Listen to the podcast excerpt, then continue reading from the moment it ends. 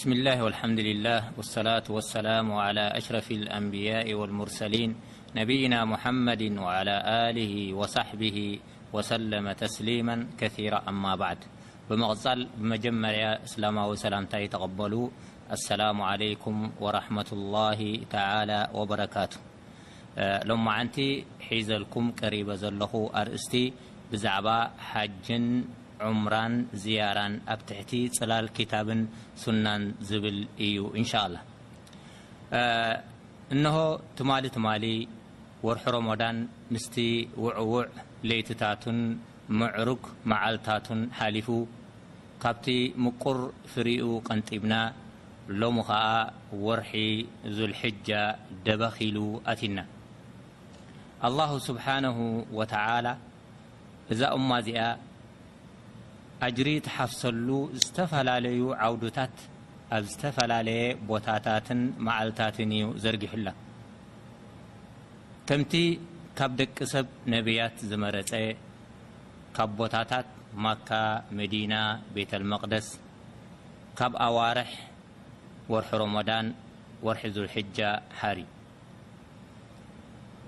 ኣብዞም መዓልትን ሰዓታትን እዚኦም ንገብሮ ዝኾነ ይኹን ሰናይ ተግባር ኣላሁ ሱብሓነሁ ወተዓላ ጮማ ዝኾነ ኣጅሪ ክኸፍለና ውን ኣብ ቁርኣን ይኹን ኣብ ሓዲስ ናይ ረሱል ሰለላሁ ዓለይሂ ወሰለም ገሊጽልና ልክዕ'ዩ። ዕድሜና ሓጽር እዩ ግን ነዛ ሓጻር ዕድመ እዚኣ በቲ ውዕውዕ ዝኾነ ጽዕጹዕ ዝኾነ ሰናይ ተግባር እንተ ደኣ ኣሕሊፍናያ ጽኑዕ እምነት እንተ ደኣ ኣብ ልብና ተኺልና ጸኒሕና ናይ ብዙሕ ዓመታት ኣጅሪ ከም ዝኸፍለና ውን ኣላሁ ስብሓነሁ ወተዓላ ኣብ ቁርኣን ኣልከሪም ቃል ኣትይልና እዩ። ነዚ ጉዳይ እዚ ከኣ ተቓለሱ ተጓየዩ እውን ኢሉ ኣዚዝና። ቃለ ተዓላ ወፊ ዛሊከ ፈልየተናፈሲል ሙተናፊሱን። ሕራይ ሓጅ ከምቲ ኩላትና ንፈልጦ መበል ሓሙሻይ መሰረታዊ ዓንዲ ናይ እስልምና እዩ።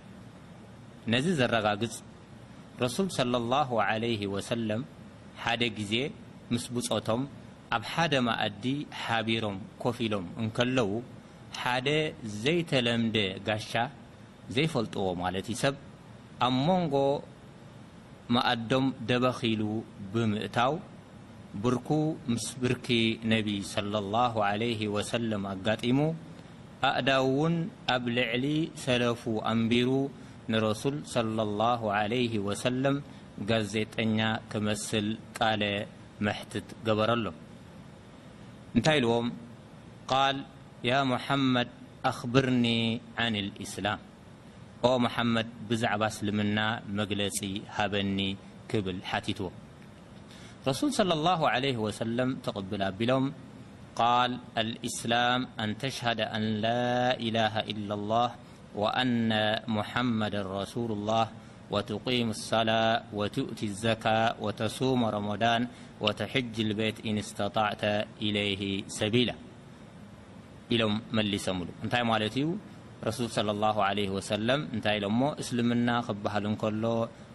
ኣብ ሓሙሽተ መሰረታውያን ኣዕኑድ ዝተመስረተ እዩ፣ ንሳቶም ከኣ፣ ቀዳማይ፣ ዒባዳ ብጀካ ንሓደ ኣላህ ሱብሓነሁ ወተዓላ ንኻልእ ከም ዘይዕደል ምእማን፣ ረሱል ሰለላሁ ዓለይሂ ወሰለም ነብይና ሙሓመድ ልኡኽ ናይ ኣላህ ምዃኖም ምምስካር፣ ሰላት ብግቡእ ምስጋድ፣ ዘካት ምውጻእ፣ ወርሒ ሮሞዳን ምጻም፣ ናይ ሓጅ ተኽእሎ ምስ ትውንን ከኣ ምሕጃጅ እዩ ክብሉ ረሱል ሰለላሁ ዓለይሂ ወሰለም ነቲ ዝሓተቶም ሰብኣይ መሊሶምሉ ማለት እዩ። ሕራይ ካብዚ እንታይ ንርዳእ? ኣርካነል ኢስላም ሓሙሽተ እየን ማለት እዩ። ኣርካነል ኢስላም ሓሙሽተ እየን።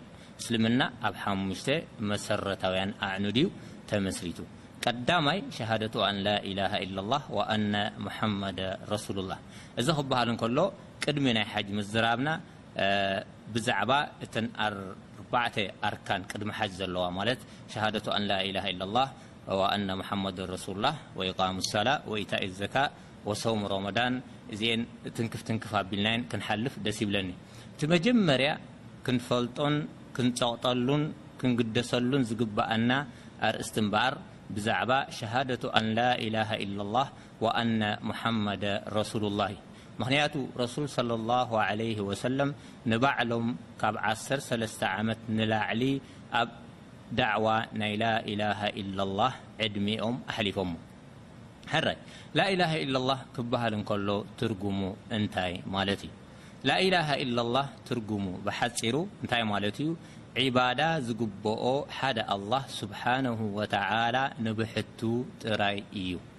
نዝኾن ن فጡر عبد يعل يوجه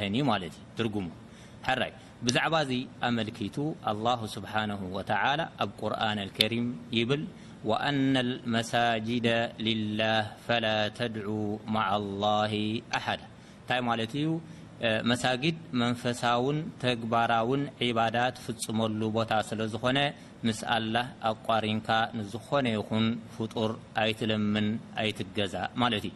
ስለዚ ዝኾነ ይኹን ዒባዳ ይዕበ ይንኣስ ብጀካ ንሓደ ረቢ ሱብሓነሁ ወተዓላ ንኻልእ ፈጺሙ ክዕደልን ክውጃህን የብሉን። ዱዓ ክንገብር እንተድኣ ደሊና ናብ ሓደ ኣላህ ሱብሓነሁ ወተዓላ ጥራይ ዱዓ ንግበር። ቃለ ተዓላ፣ ኢድዑኒ ኣስተጅብ ለኩም እንታይ ማለት እዩ?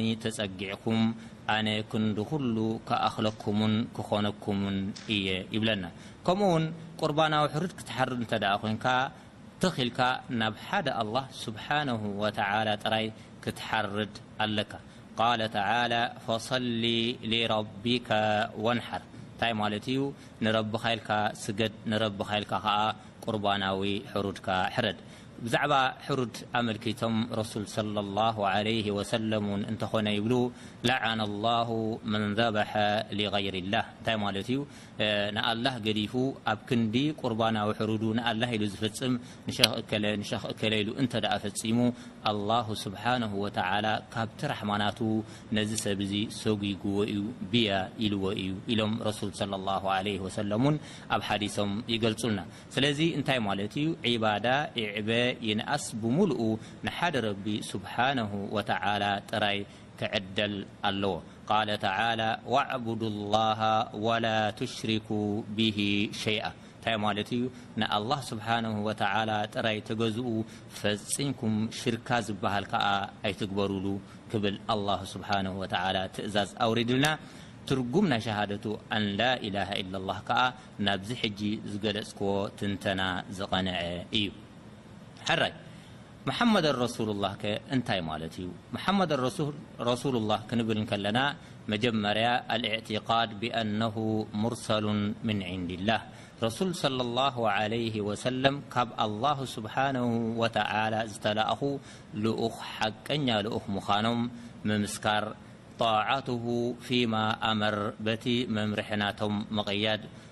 وتصديقه فيما أخبر بقالم ن تربو زرب ممن كم ون واجتناب ما نهى عنه وزجر كبت اتريرم زخننو زأقدو تእزاز كأن مقد مخلكلن وأنلا يعبد الله إلا بما شرع ከምኡ ኸኣ ዒባዳ ክትፍጽም እንከለኻ በቲ መገዲ ናቶም በቲ ረሱል ሰለላሁ ዓለይሂ ወሰለም ዘጽደቕዎ መገዲ ብኡ ኣቢልካ ናብ ኣላህ ሱብሓነሁ ወተዓላ ክትቀርብን ክትግዛእን ከም ዘለካ ዝሕብር ትርጉም እዩ። ስለዚ ዑለማእ ይብሉ ናይ ናይ ሓደ ቅቡል መለክዒ ስራሕ፣ እንታይ እዩ ኣልኢኽላስ ወልኢቲባዕ እንታይ ማለት እዩ ሓደ ዒባዳ ፈጺምካ ኣብ ቅድሚ ረቢ ሱብሓነሁ ወተዓላ ኣጅሪ ክትረኽበሉ እንተደኣ ኮይንካ ክልተ ረቋሒታት ዘማለኤ ክኸውን ኣለዎ እዚኤም ከኣ መለክዒ ናይ ሓደ ቅቡል ስራሕ ተባሂሎም ይጽውዑ ንሳቶም ከኣ መጀመርያ ኢኽላስ እንታይ ማለት እዩ እቲ ዒባዳ ትፍጽሞ ዘለኻ ሊላህ ኢልካ ካብ ረቢ ጻማ ክረኽበሉ ካብ ረቢ ኣጅሪ ክረኽበሉ ኢልካ ካብ ስምዑለይ ረኣዩለይ ዝዓይነቱ ምግናን ርሒቅካ እቲ ዒባዳ ክትፍጽሞ ኣለካ። ካልኣይ ኣልኢትባዕ፣ ኣልኢትባዕ ማለት ከኣ እንታይ ማለት እዩ? እቲ ትፍጽሞ ዘለኻ ዒባዳ'ውን ብኢደ ወነናኻ ዘይኮነስ እንታይ ደኣኒ በቲ ረሱል ሰለላሁ ዓለይሂ ወሰለም ዘርኣዩና መገዲ ንመገዲ ረሱል ሰለላሁ ዓለይሂ ወሰለም ዘንጸባርቕን ዝተኸተለን ክኸውን ይግባእ። ምኽንያቱ ረሱል ሰለላሁ ዓለይሂ ወሰለም እንታይ ይብሉ መን ዓመለ ዓመለን ለይሰ ዓለይሂ ኣምሩና ፈሁወ ረድ እንታይ ማለት እዩ ዝኾነ ይኹን ዒባዳ ካብቲ መገዲ ናህና ወጺኡ ብዘይ ትእዛዝ ናህና ብዘይ መምርሒና ዒባዳ ዝፈጸመ ኣብ ቅድሚ ረቢ ኣጅሪ የብሉን ስርሑ ንጹግ እዩ ኣብ ረቢ እውን ፍረ የብሉን ክብሉ ረሱል ሰለላሁ ዓለይሂ ወሰለም ገሊጾምልና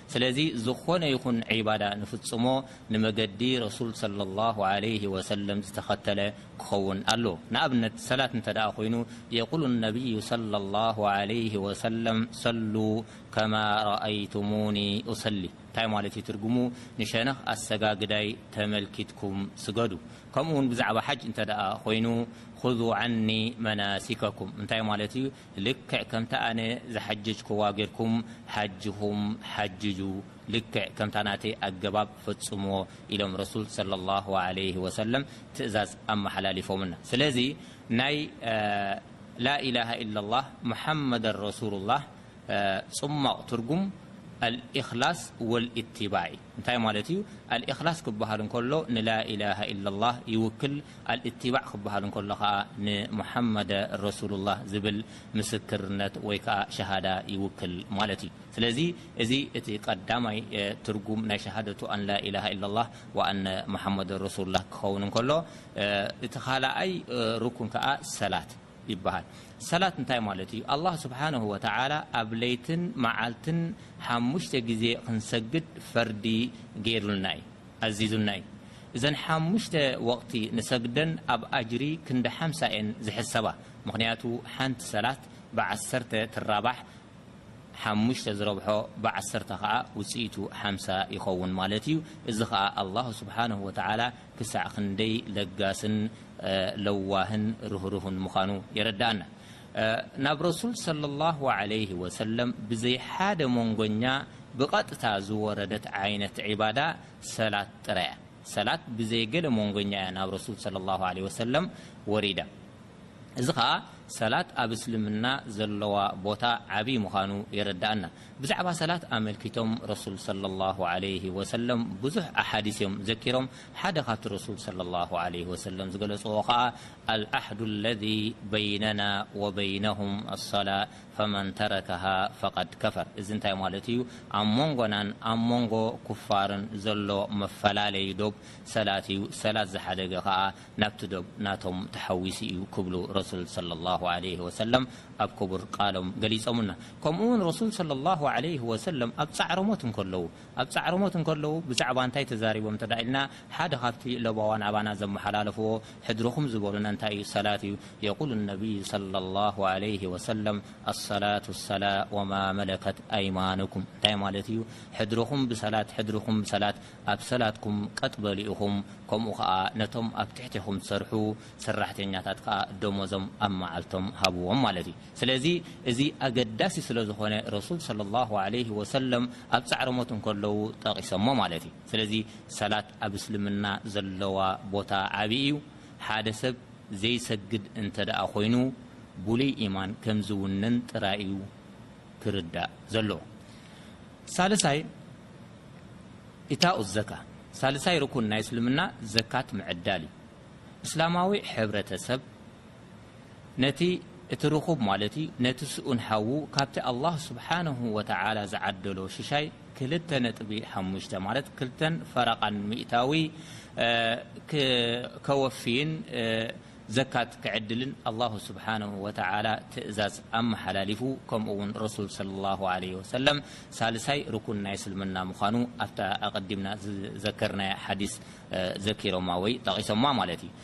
ስለዚ እዚ ከኣ እንታይ የረድእ ሓደ ርኹብ ንዘይርኹብ ሓዉ ክሕግዞን ዘለዎም ሽግር እሂን ምሂን ተባሂሎም ክፈትሑን ካብ ምፍጣጥን ቅርሕንትን ዘለዎ ሃዋሁው ርሒቖም ኣብ ፍቕርን ሰላምን ስኒትን ዘለዎ ባይታ ወይ ከኣ ሃዋሁው ክነብሩን እንታይ ዝገብር ዝሕብር ወይ ከኣ ትእዛዝ ዘመሓላልፍ ሓደ ዓይነት ዒባዳ እዩ።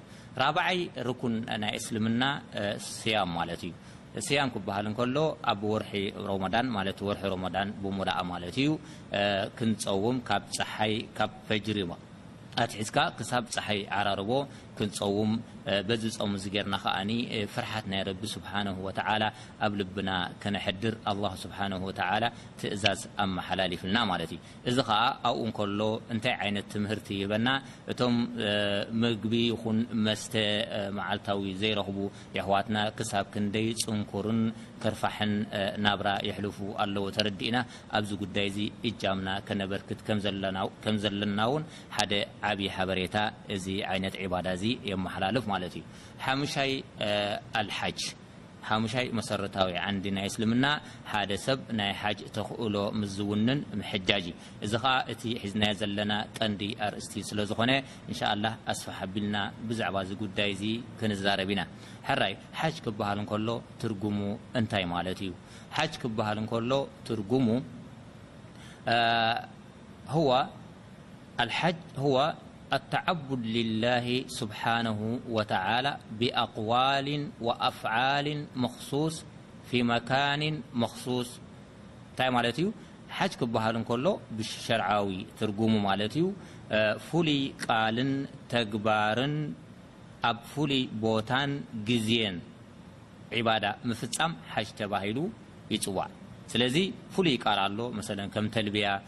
ለበይክ ኣላሁመ ለበይክ ለበይከ ላ ሸሪከ ለከ ለበይክ ኢነል ሓምደ ወኒዕመተ ፍሉይ ከኣ ተግባር ኣሎ ከም ጠዋፍ ከም ሳዒ እዚ ኣብ ካልእ ቦታ ኣይትገብሮን ኢኻ ብጀካ ኣብ ሓጅን ዑምራን እንተዘይኮይኑ እሞ ከኣ ኣብ ፍሉይ ቦታ እታ ጠዋፍ ኣብ ካዕባ ትገብራ እታ ሳዒ ኣብ ሰፋ ወልመርዋ ትገብራ ኣልውቁፍ ቢልዓረፋ ኣብ ምንታይ ደው ትብል ኣብ ዓረፋ ዝተባህለ ቦታ ደው ትብል እዚ ዝተፈላለየ ዓይነት ቃልን ተግባራትን ዘማለአ ዓይነት ዒባዳ ሓጅ ተባሂሉ ይጽዋዕ።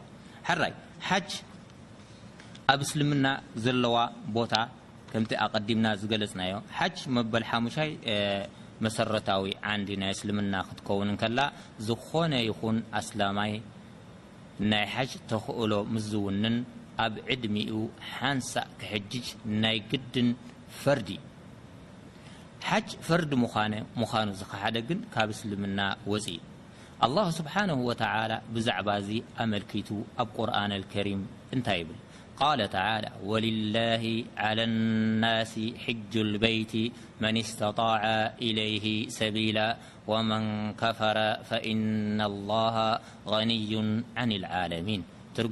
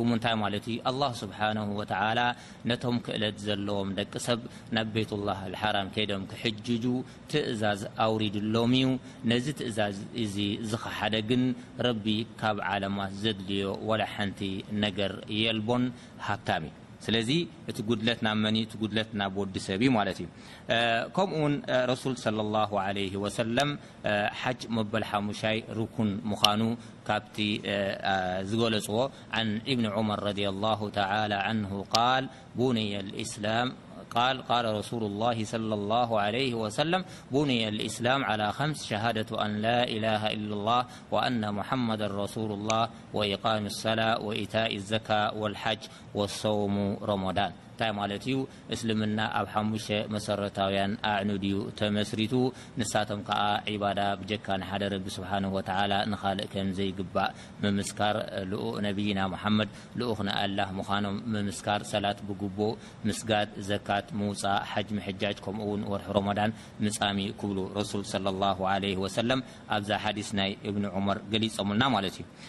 እስልምና ዝተኣዘዘሉ፣ ሓጅ ዝተኣዘዘሉ ኣብ መበል ታሽዓይ ዓመተ ሂጅራ ክኸውን እንከሎ፣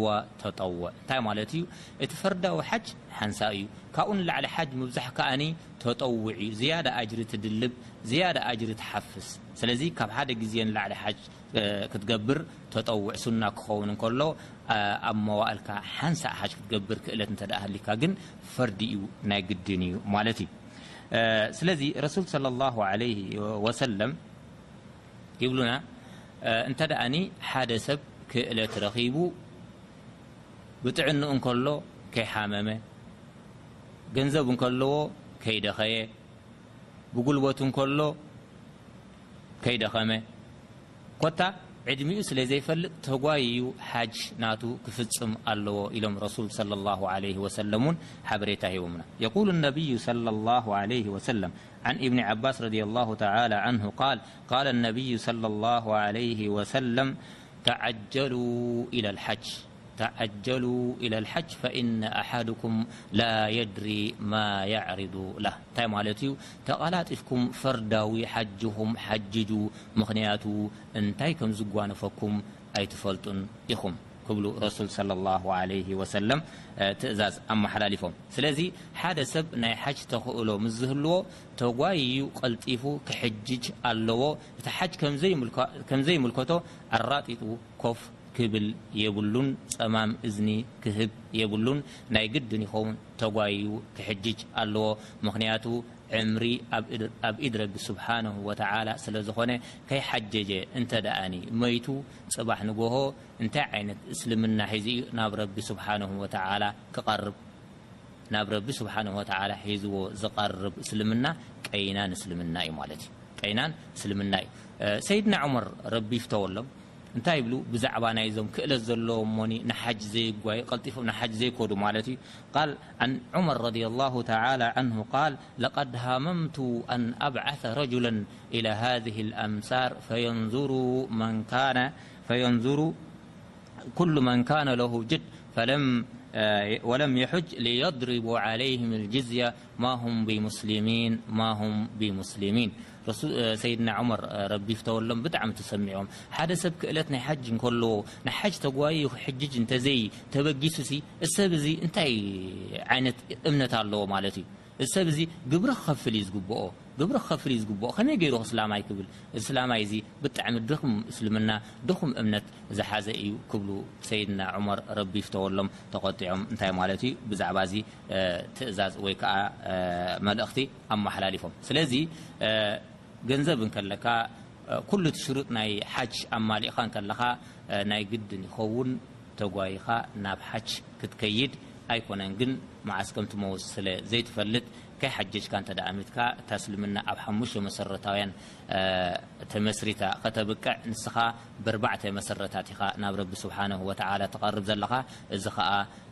ቀይናን እምነት ቀይናን እስልምና ሒዝካ ናብ ረቢ ስብሓነሁ ወተዓላ ከም ዝቐረብካ ጥራይ እዩ ክትርዳእ ዝግባእ። ሕራይ ዑምራ ዑምራ ልክዕ እዩ ሓጅ ሓደ ዓቢ ስእሊ ዓይነት ዒባዳ እንተድኣ ኮይኑ ዑምራ ከኣ ንኡስ ስእሊ ናይ ሓጅ እዩ። ዑምራ ሓደ ዓይነት ዒባዳ ከም ዝኾነ ኣላሁ ስብሓነሁ ወተዓላ ኣብ ቁርኣነል ከሪም ገሊጽልና ከምኡ ውን ረሱል ሰለላሁ ዓለይሂ ወሰለም ኣብ ዝተፈላለዩ ኣሓዲስ ገሊጾምልና ማለት እዩ።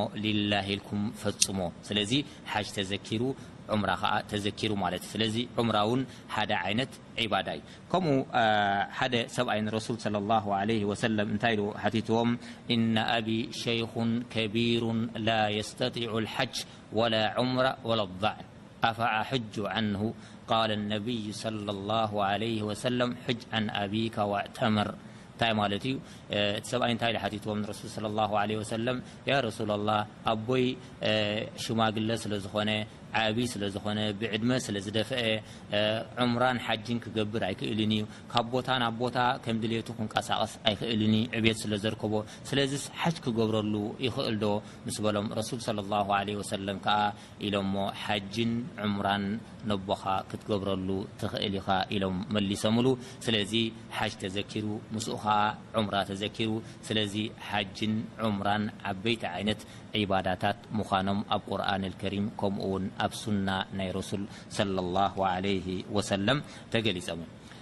ረሱል ሰለላሁ ዓለይሂ ወሰለም ኣብ መዋእሎም ኣብ ዕድሚኦም ሓንሳእ ጥራይ ሓጅ ገይሮም ኢልና ብዛዕባ ዑምራ እንተድኣ ክንገልጽ ኮይንና ከኣ ረሱል ሰለላሁ ዓለይሂ ወሰለም ኣብ ዕድሚኦም ኣርባዕተ ግዜ ዑምራ ገይሮም ዝኾነ ሰብ ናይ ዑምራ ክእለት ምስ ዝውንን ዑምራ ከብዝሕ ከኣ ትእዛዝ ኣመሓላሊፎም ማለት እዩ ነብይና ሙሓመድ ሰለላሁ ዓለይሂ ወሰለም። ሕራይ እዚ እቲ ትርጉም ናይ ሓጅ ክኸውን እንከሎ ብሓጅ ኣቢልና ንረኽቦ ኣጅሪ ብልጫታት ናይ ሓጅከ እንታይ ይመስል?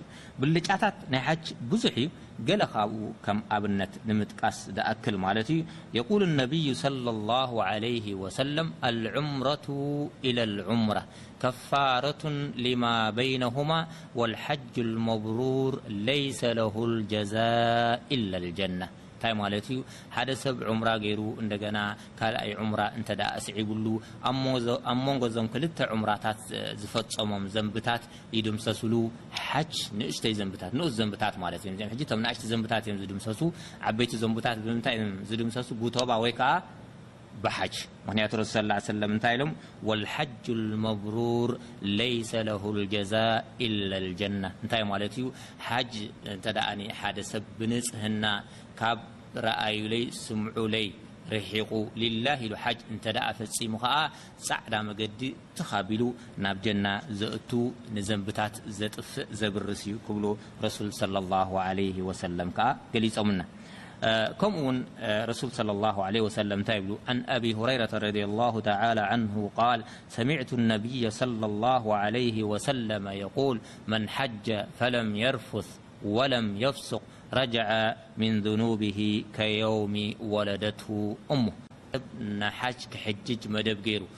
እሞ ኸኣ ነዚ ጉዳይ እዚ ብምንታይ ካብ ኣብ ሓጅ ማለት እዩ ካብ ስጋዊ ርክብ ርሒቑ ካብ ንስጋዊ ርክብ ዝደፋፍኡን ዝህውኹን ተግባራትን ቃላትን ርሒቑ ካብ ህውከትን ባእስን ተቖጢቡ ጽሩይ ልቢ ሒዙ ዕጉስ ልሳን ኣቢሉ ሒዙ ማለት እዩ ሓጅ ናቱ ዝፈጸመ ይብሉ ረሱል ሰለላሁ ዓለይሂ ወሰለም።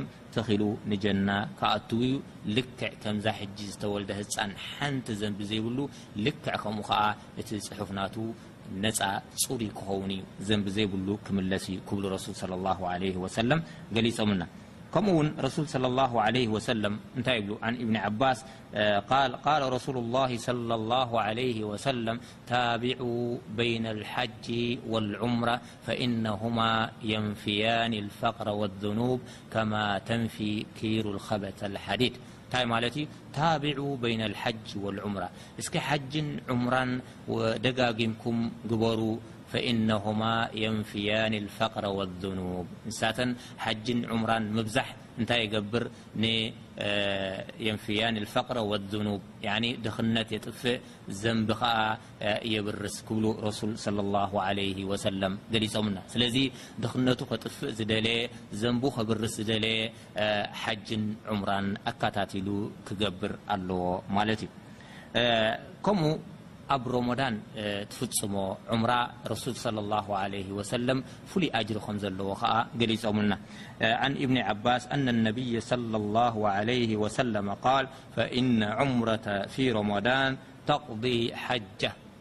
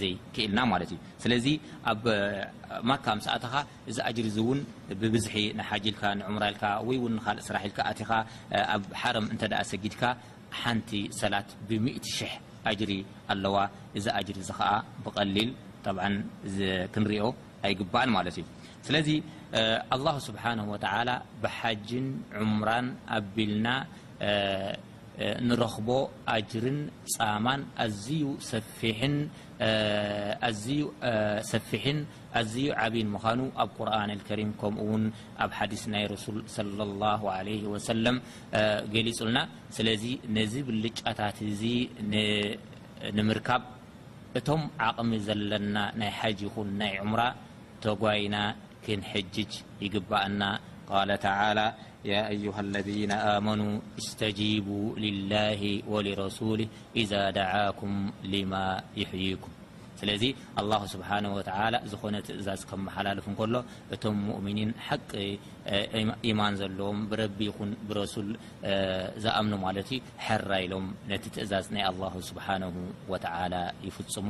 ረበና ይወፍቅና ሊከይ ነሑጅ ወነዕተምር።